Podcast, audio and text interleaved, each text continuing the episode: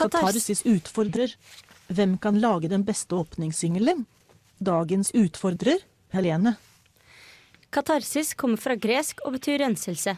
Det er et begrep som Aristoteles brukte i sin bok om dikterkunsten, der temaet om den, om den greske tragedien analyseres.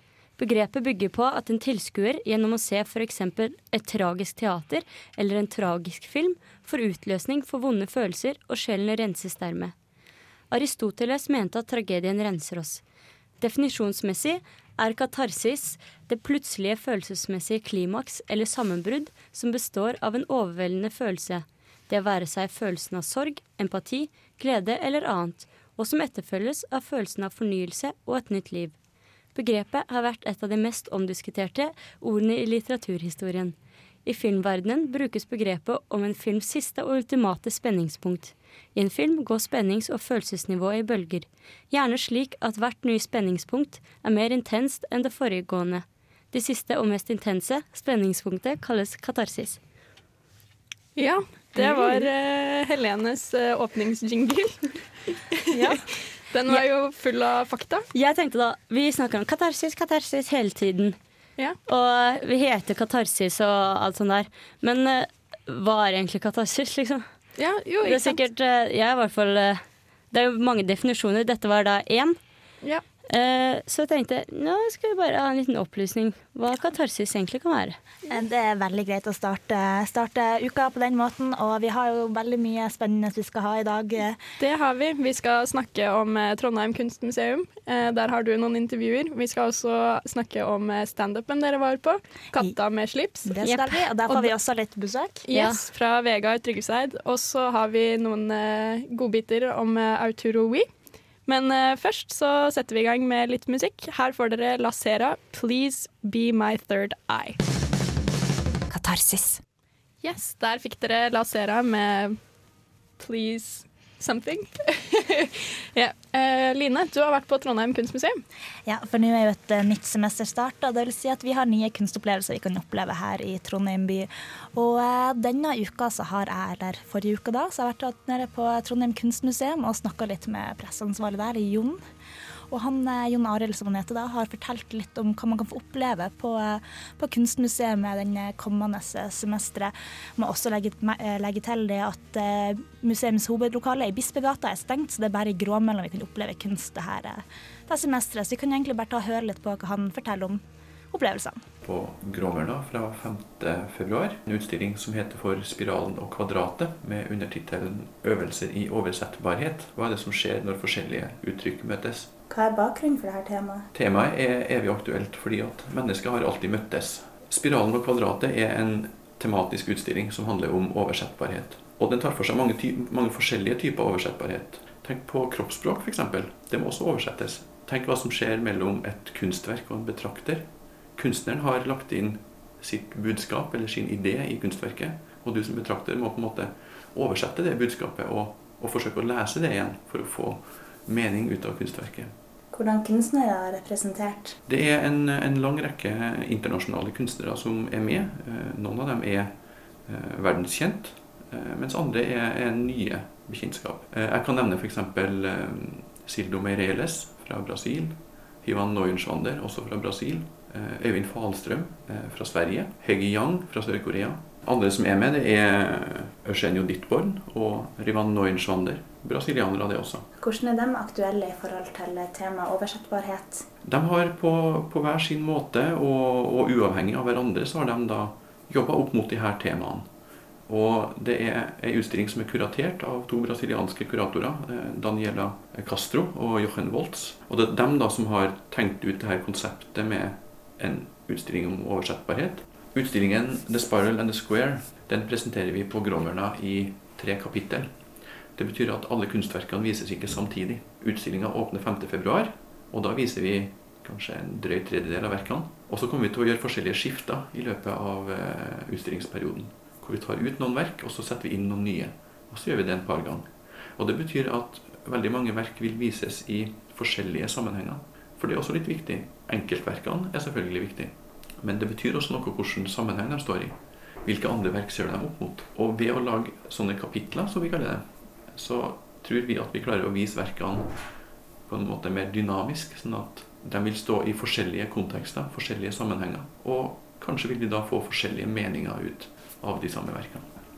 Kan du gi et eksempel på et verk? Det ene eh, er et verk som heter for Marra, eller Maha på portugisisk, av en kunstner som heter for Laura Lima. Hun har laga det hun kaller for en levende skulptur. Og det er to nakne menn som er bundet sammen i hodet, og så har de fått ei hette rundt hodet sånn at de ikke ser hverandre. Og publikum kan heller ikke se hvem det er, men de ser at det her er nakne kropper. Og så skal da de to her mennene de skal bryte mot hverandre. Se for deg en sånn klassisk gresk skulptur hvor du har nærmest omfavnet hverandre i et kraftig brytetak. Eh, Laura Lima har da tatt tak i det her klassiske skulpturuttrykket, og så har hun oversatt det til en eh, moderne installasjon. For dem som syns det her Macha høres ut som et interessant verk, så har jeg et eh, pangtilbud til dem som har lyst til å være en del av et kunstverk. Vi er, har fortsatt ledig plass på, eh, som, som, deltaker eller utøver av det verket. Så hvis det er noen eh, modige menn der ute som kan tenke seg å være en levende skulptur, så blir vi veldig glad hvis de tar kontakt med oss på Trondheim kunstmuseum. De kan se på, se på hjemmesidene våre, så finner de kontaktinformasjon der. Verket gjennomføres i løpet av fire timer. Yes, der fikk dere Grimes med Genesis, og før det hørte dere Line sitt intervju med Jan Arild Johansen om hva man kan oppleve på kunstfronten i Trondheim framover. Men nå har vi fått besøk av Vegard Tryggeseid. Hallo. Radio, Radio Revolts nye standup-komiker. Yes, for dere var også hans standup-debut på uh, onsdag med 'Katta med slips'. Ja, 'Katta med slips' hadde da sin premierekveld på, på Super på Brukbara på onsdagen, og da var det jo konferansier Stian Blipp. Og fire standup, og deriblant du, Vegard. Og hvordan føles det å bli introdusert som den rareste mannen på denne sida av svenskegrensa? eh, jeg, eh, det er jo bare et spill for galleriet da, at jeg er rar. Så jeg visste Det var ikke noen fornærmelse eller kompliment, fordi det er bare en rolle jeg spiller. da. Egentlig er jeg veldig normal. Litt uh, spredd latter i studio. Men du, det, var, det, var, du som fikk mest applaus. Det la jeg merke til, i hvert fall. Ja, det kan kanskje skyldes at jeg hadde flest venner i salen. Men uh, jeg tar det Man blir god på blesting når man er med i radioen. Mm. Men, men, jeg må stille et spørsmål før vi begynner å snakke om det vi egentlig skal snakke om. Eh, hørte du oppfordringa Jon Arild på Kunstmuseet nettopp kom med? Kunne ja. du tenkt deg vært et nakent kunststykke i fire timer i heftig brytekamp med en annen naken mann? Eh, det sier jeg nei til med en gang. Hvorfor det? Du er en pen Fordi, herremann. Ja, det er ikke noe å si det, da. Men eh, Ikke at jeg syns jeg er pen, da. Men eh, det er litt ubehagelig å stå naken i fire timer. ja. uh, Skjønner ikke at det er overraskende at jeg sier nei. Ikke minst kaldt. Det er skikkelig ja. kaldt ute nå. Er det kaldt? Skal det være utendørs? Nei, det skal være inne på Gråmølna. Så det er, det er sikkert kaldt der inne. Ja, kanskje du får et pledd. Da må ikke naken mer, da. Men hvordan, fortell, hvordan var det å stå som standup-debut? Du har jo jobba både her hos oss og i P3, så du er jo vant til å snakke med folk. Men hvordan er det å stå på en scene? Eh, jeg, var ikke så, jeg var ikke så veldig nervøs, egentlig. Jeg har jo holdt på med humor lenge. og det var egentlig bare å gå opp og, og si det jeg skulle si. Det jeg var bekymra for, var at jeg kom til å glemme det jeg skulle si. Det hadde du manus? Jeg hadde manus, eh, og jeg glemte det underveis. Og da tok jeg meg en slurk øl, og så kom jeg på det. Men humoren din er jo litt sånn tilfeldig. Det er liksom bare i og så, altså, begynner hvordan, hvordan, er humoren din? Fortell litt om vår. Kan ikke du fortelle den du åpna med, Vegard? På standupen. Det syns jeg var så morsomt. Ja, da spurte jeg hvorfor er det hjul på stolen til Stephen Hawking. Ja, var, Og så spurte jeg etterpå om du skulle si en vits. Ja, og så skal jeg fortelle en vits, spurte jeg. Vil dere høre vitsen? Mm. Jeg var ute og gikk med en kompis da i fjellet, og så sa kompisen til meg da Pass på det stupet der. Og så sa jeg Hvilket stup? Å ja, det her Ja. vi skal høre litt mer uh, av din humor, og vi skal også få høre en liten kollasje hvor vi hører alle standup-komikerne. Men aller først uh, så var jo konferansieren Stian Blippe. og han er jo også god på standup og på, ikke minst på beatboxing, så vi skal høre litt på hva han uh, tilbyr oss publikum. De er crazy. De elsker hiphop. Så det er en CD på den restauranten, og det er en CD med hiphop blandet med kinesisk musikk. Så når jeg kom inn her en dag, så står han fyren bak kassa sånn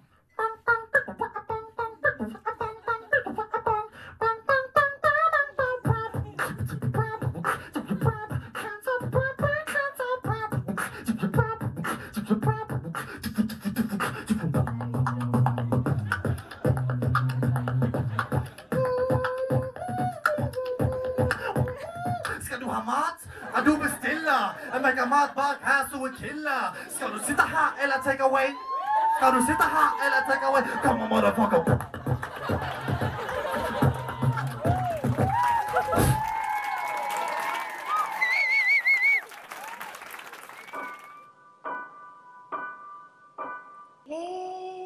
Katarsis. Yes, der fikk dere Kår de Pirat med Wicked Games. Eh, vi i Katarsis driver og snakker om eh, katta med slips på FM 100 eller 106,2.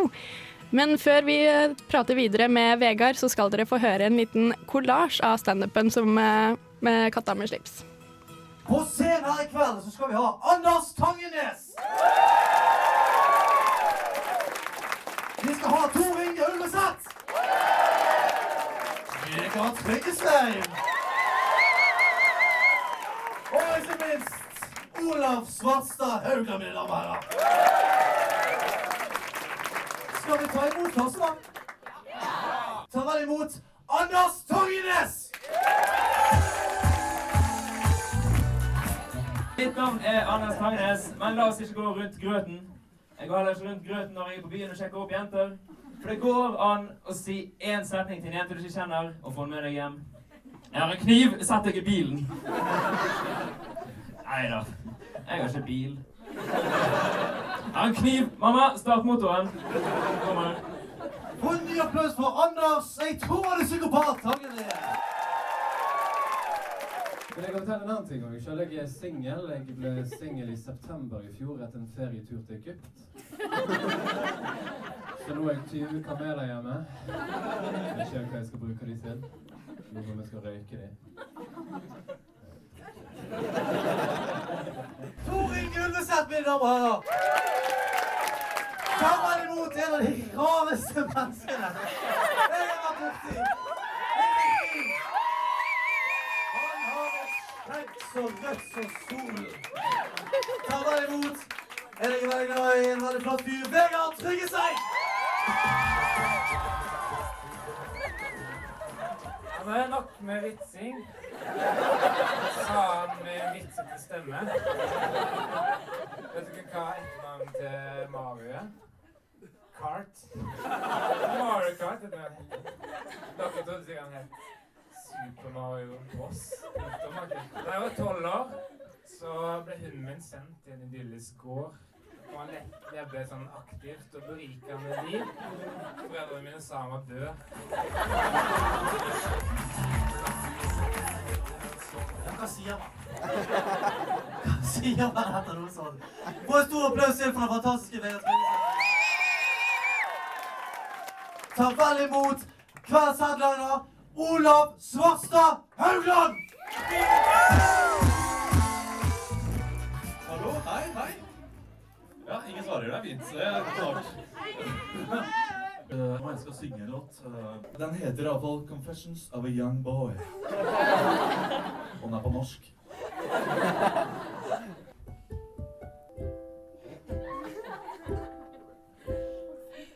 Jeg var ganske ung da jeg ble født på denne jord. Snakket ikke stort før mine første ord. Likte ikke te, nei. Før jeg smakte på en kopp.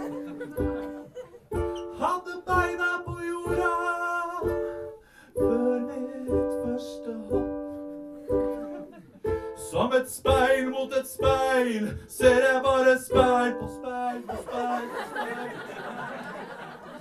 Som et evig labyrint med bare én vei.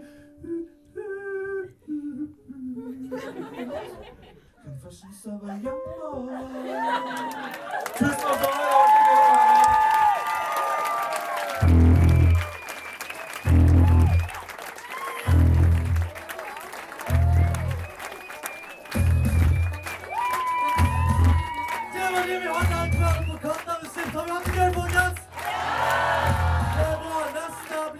Yes, der fikk dere Night Beats med Puppet on a String. Det her hørtes jo ut som en kanonkveld. Eh, men Katta med slips, ja. Ja, Ja, det, Det var, var gøy. Veldig, veldig morsomt. men hvem hørte vi i denne mashupen? Jo, eh, vi hørte Tor Inge Ulveseth, eh, Vegard, så hørte vi Olav Svartstad Haugland og eh, Anders Havdal Tangenes. Og Hun, eh, men, men jeg må si, han derre Olav eh, eh, Haugland, det var jo, Haugland, ja. ja, det var jo eh, sønnen til Valgjerd Svarstad Haugland. Og han spilte skikkelig på mora si, da. ja, det var, det var litt artig På- første minuttene, men så følte jeg kanskje at det ble litt eh, masse Mye. mamma. Ja. Mamma Men den morsomste mannen, Han har vi her. Han har vi med oss i studio. Vegard. Er du fornøyd med publikum? Eh, jeg er veldig fornøyd. De, de lo kanskje litt for mye. egentlig. Syns du det? Ja. For, jeg, fall, jeg satt eh, på nest fremste rad, og foran meg så satt det tre jenter. Og jeg vet ikke helt om de skjønte humoren din, de så kjempestygt på oss som lo, da. Men bak meg så hadde vi noen damer som var kanskje eh, eh, 30-åra, og de lo! Og de lo, og de syntes det var så morsomt, Vegard. Bare når du sa, sånn som du sa i stad, tok en liten pause bare for å drikke litt øl, så bare ropte de bare 'fortell mer, fortell mer'! Det var helt gærent. Det var gøy. Men hva ville du gjort hvis ingen lo? Eh, det er et godt spørsmål. Eh, for det første så opplever jeg aldri at ingen ler av det jeg sier. For det første. Se, dere lo. Men eh, hvis dere ikke har ledd nå, så vet dere ikke hva jeg skulle gjort. Det er jo, det er jo skrekkhistorie, da. Men eh, jeg tenker da bare at det, det er Hvis du mister selvtilliten da, så blir det enda mer anstrengende å høre på. Og en, en, eh, en standup-komiker som anstrenger seg, da blir det anstrengende for publikum. Og da blir det vanskeligere å le. Så hvis du først eh, havner på det kjøret der, så må du bare holde selvtilliten oppe og bare le av det sjøl, kanskje. Men du var jo standup nummer tre av fire. Eh, Du har sett på hvordan respons de andre to før de hadde fått, og også Stian Blipp, da, som var konferansier og var litt moromann innimellom. Føler du noe konkurranse når du skal stå her på scenen? Du, altså, dere står jo med samme publikum med forskjellige vitser, og det er liksom måling i latter hvem som er morsomst. Ja, ikke, jeg ser ikke på det som en konkurranse offisielt, i hvert fall. Ja. Men det, det vil jo lykkes, på en måte. Jeg lurer på en ting. Øvde du foran speilet hjemme? Nei. Gjorde du ikke? Jeg skulle spurt om det på kvelden, altså. Jeg vet ikke hva som er greia med speil. Hvorfor Men du, Hvorfor øvde du for deg selv, da? Jeg øvde ikke, ikke høyt, nei. Var det fordi du ikke ville se deg i speilet? nei. Jeg gjorde faktisk Jeg kom hit til et radiostudio, og så stakk jeg inn i mikrofonen og Ja. hørte meg sjøl. Sånn ingen andre hørte meg. Men jeg skjønner ikke hvorfor jeg skal stå foran speil. Det, Eh, Du er jo litt sånn standup-komiker eh, i hverdagen nå, da. jeg er det. Ja, det er det. Men har du prøvd deg på standup før? Selv om det et Selv om du kanskje ikke har prøvd deg på sånn offisielt standup-show? Har du prøvd det? Jeg har et program Jeg har hatt et program her på Radio Revolt som heter Perrong Perrong. Og det var jo bare mange one-liners på rad. Så jeg har hatt standup i andre former. Men hvor tar du det fra? Eh, Jeg vet ikke helt. Det, det er mye absurd, da. Så jeg bare, hvis jeg tar noe hverdagslig og bare prøver å gjøre det rart, så er ofte det morsomt. da. For jeg føler at hver gang jeg treffer på deg her inne, enten her inne på radioen eller andre pratsteder, så er jeg litt usikker på om du faktisk tuller eller ikke når du prater. Ja, det er litt vanskelig å vite om du tuller eller ikke. Jeg tror du alltid tuller, jeg, Vegard. Ja, som regel ironisk. Men du fikk du god respons etterpå? Etter showet var slutt? Så Ja, Var det mange som kom bort til deg? mange som kom bort. Var det noen som prøvde å sjekke deg opp med øl? Noen sjekker meg opp med øl? Eller vitser som prøvde liksom å Å, nå tror de at de hadde Nå har de funnet humoren din, så prøvde de å fortelle Ja. en vits med din humor. Det var litt av det. Var det det? var jævla. Så vil du si du er fornøyd, da? Med kvelden? fornøyd. Jeg og du kommer tilbake? Jeg kommer tilbake. Er det ikke, skal du være med på neste standup òg? Nei, Nei. det, men jeg skal til Bergen i mars en gang. Ja. Spennende. Men eh, da tror jeg vi må takke for eh, Vegard i studio her. Da setter vi i gang med litt musikk. Her får dere Nicholas Jahr med 'With Just One Glance'.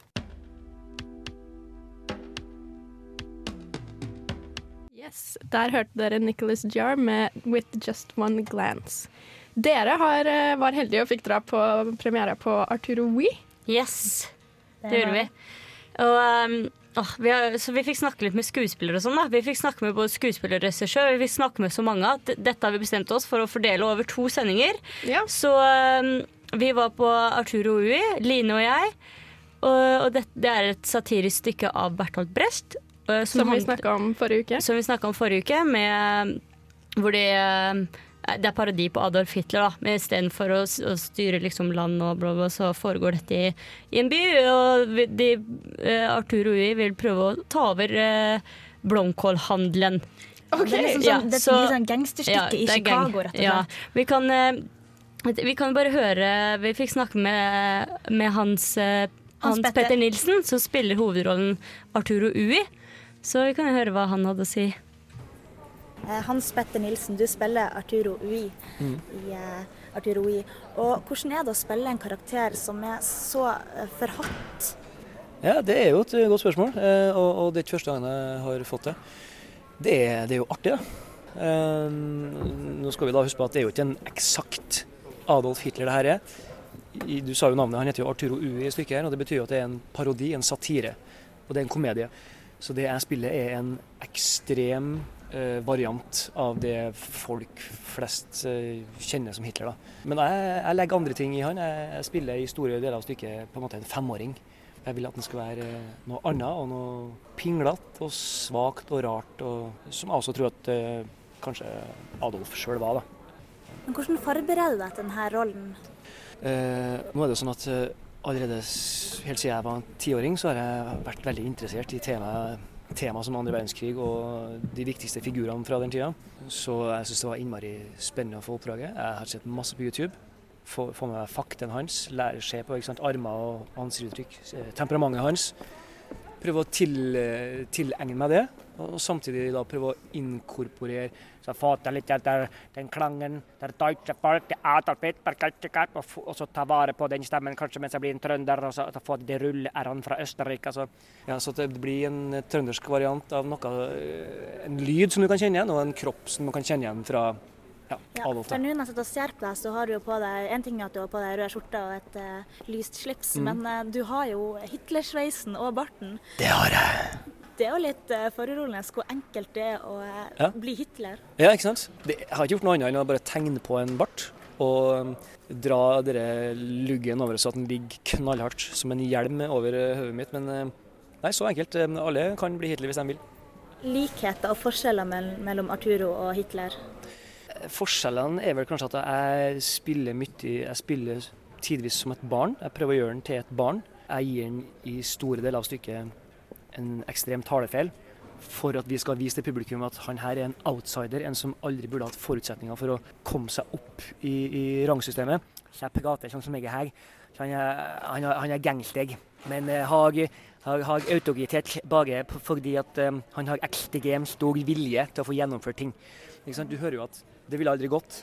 Men så kommer vi til et punkt i stykket der han da, Arturo går på et skuespillerkurs, tar eh, trening, og så blir han kvitt eh, de verste språkproblemene. Og så lærer han seg sånne strake armer og den, det vi kjenner som en nazihilsen, eh, de ekstreme utbruddene hans med, med kroppen fysisk når han tar det. det, det, det da, da begynner liksom likheten til Adolf Hitler å komme når han går et skuespillerkurs. Da får vi se det. Men du som skuespiller, hva har vært mest utfordrende i å trene rollen? Storjobben består i å få han til å starte stykket eh, som den lille, lille svake gutten, skråstrek mannen, og la han få den utviklinga til at han faktisk blir en publikumsvant folkeforfører. ikke sant? Hvorfor skal folk komme og se på dette stykket? Det er fordi at dere skal lære noe og flire av det samtidig. Ok, tusen takk. Bare hyggelig. Tarsis. Der fikk dere Fiddler med Got No Money. Ja, og vi sitter her og snakker om Arturo Ui, som hadde premiere på Trøndelag Teater nå på fredagen som var. Vi hørte akkurat et intervju med hovedrolleinnehaveren, Hans Petter Nilsen. Men han er ikke den eneste personen vi har snakka med. Eh, Vi nevnte jo det at neste sending så får dere høre både en anmeldelse av stykket og eh, intervju med regissøren, men nå skal du få høre Mats Bone, som også hadde en rolle i denne teateroppsetninga. Mats Bones, hvem, eh, hvem er det du spiller i forestillingen eh, Arturo Ui? Mm, Jeg spiller mm, Arturo Uis eh, bestevenn og løytnant. Ernesto Roma heter han. Han har liksom ansvaret for ja, en sånn liten gatearmé som vokser og vokser utover stykket. da. Han er rett og slett maskinpistolen til Arturo Ui. Eller Hitler, da, som den parabelen er. Ernesto Roma er da virkelighetens, eller fiksjonens Ernst Røhm, som var bestevenn og Mm. løytnant for Hitler, men som Hitler eh, svek eh, når det nærma seg 1940 fordi han ble for, en stor, ble for stor byrde for eh, gutta som satt med makta. Så må jeg spørre, da. Hva er det gøyeste i Arturo Vi? Altså, det som er gøy, er jo å få spille gangster. Det er kult. Ja, det, vi, har fått, vi har blitt Ja. utstyrt med sånn eh, våpen som ligner veldig på ekte våpen. Og selv om jeg er overhodet ikke noen våpenmann, så har jeg sett nok Hollywood-filmer til å synes at det er kult å bare eh, lade dette våpenet. Så går rundt litt sånn tungt bevæpna er på et vis ganske, det må føle seg litt tøff, Tøffere enn jeg trodde jeg skulle gjøre, faktisk. Eh, er Men jeg mener, du har jo treningsjakke på deg òg, da. Du har liksom maskinpistolen, og så har du en treningsjakke. Ja, hva tenker du om? Tenker du at det er rart, eller tenker du at det er Litt merkelig, ja. Jo da, vi har prøvd å leke oss med en slags uniformering her, eh, og et slags statement. Det her eh, som eh, Vi er på et slags white trash-nivå. Vi gir faen i systemet, vi kler oss sånn her, men så er det veldig bevisst likevel. En slags bevisst, bevisst protest. Er det en fordel å ha litt kunnskaper om diktatoren Hitler og alt han la under seg? Det er i hvert fall ingen ulempe, og jeg tenker at det, det er en historie som alle bør få med seg. Og har man ikke eh, fått med seg ennå, så er da er det i hvert fall på tide å komme. Men eh, at man har grunnkunnskapen i bånn, eh, det tror jeg åpenbart er en fordel, ettersom det er en parabel. Har du ikke det, så kan vi ikke klare seg på likevel. Mm. Og så har man jo et program der er mye lur og smart informasjon står. Helt til slutt da, Mats. Du skal si en setning. Hva som gjør det stykket her bra og verdt å se. Fordi det er morsomt, visuelt grensesprengende, og fordi det er en historie som man aldri må glemme. Tusen takk. Vær så god. Der fikk dere Hush Hush Pony med Baboo. Eh, og før det så hørte vi intervju med Mats Bones. For eh, dere var på Arturo Ui. Eller UI. Mm, Arturo Ui.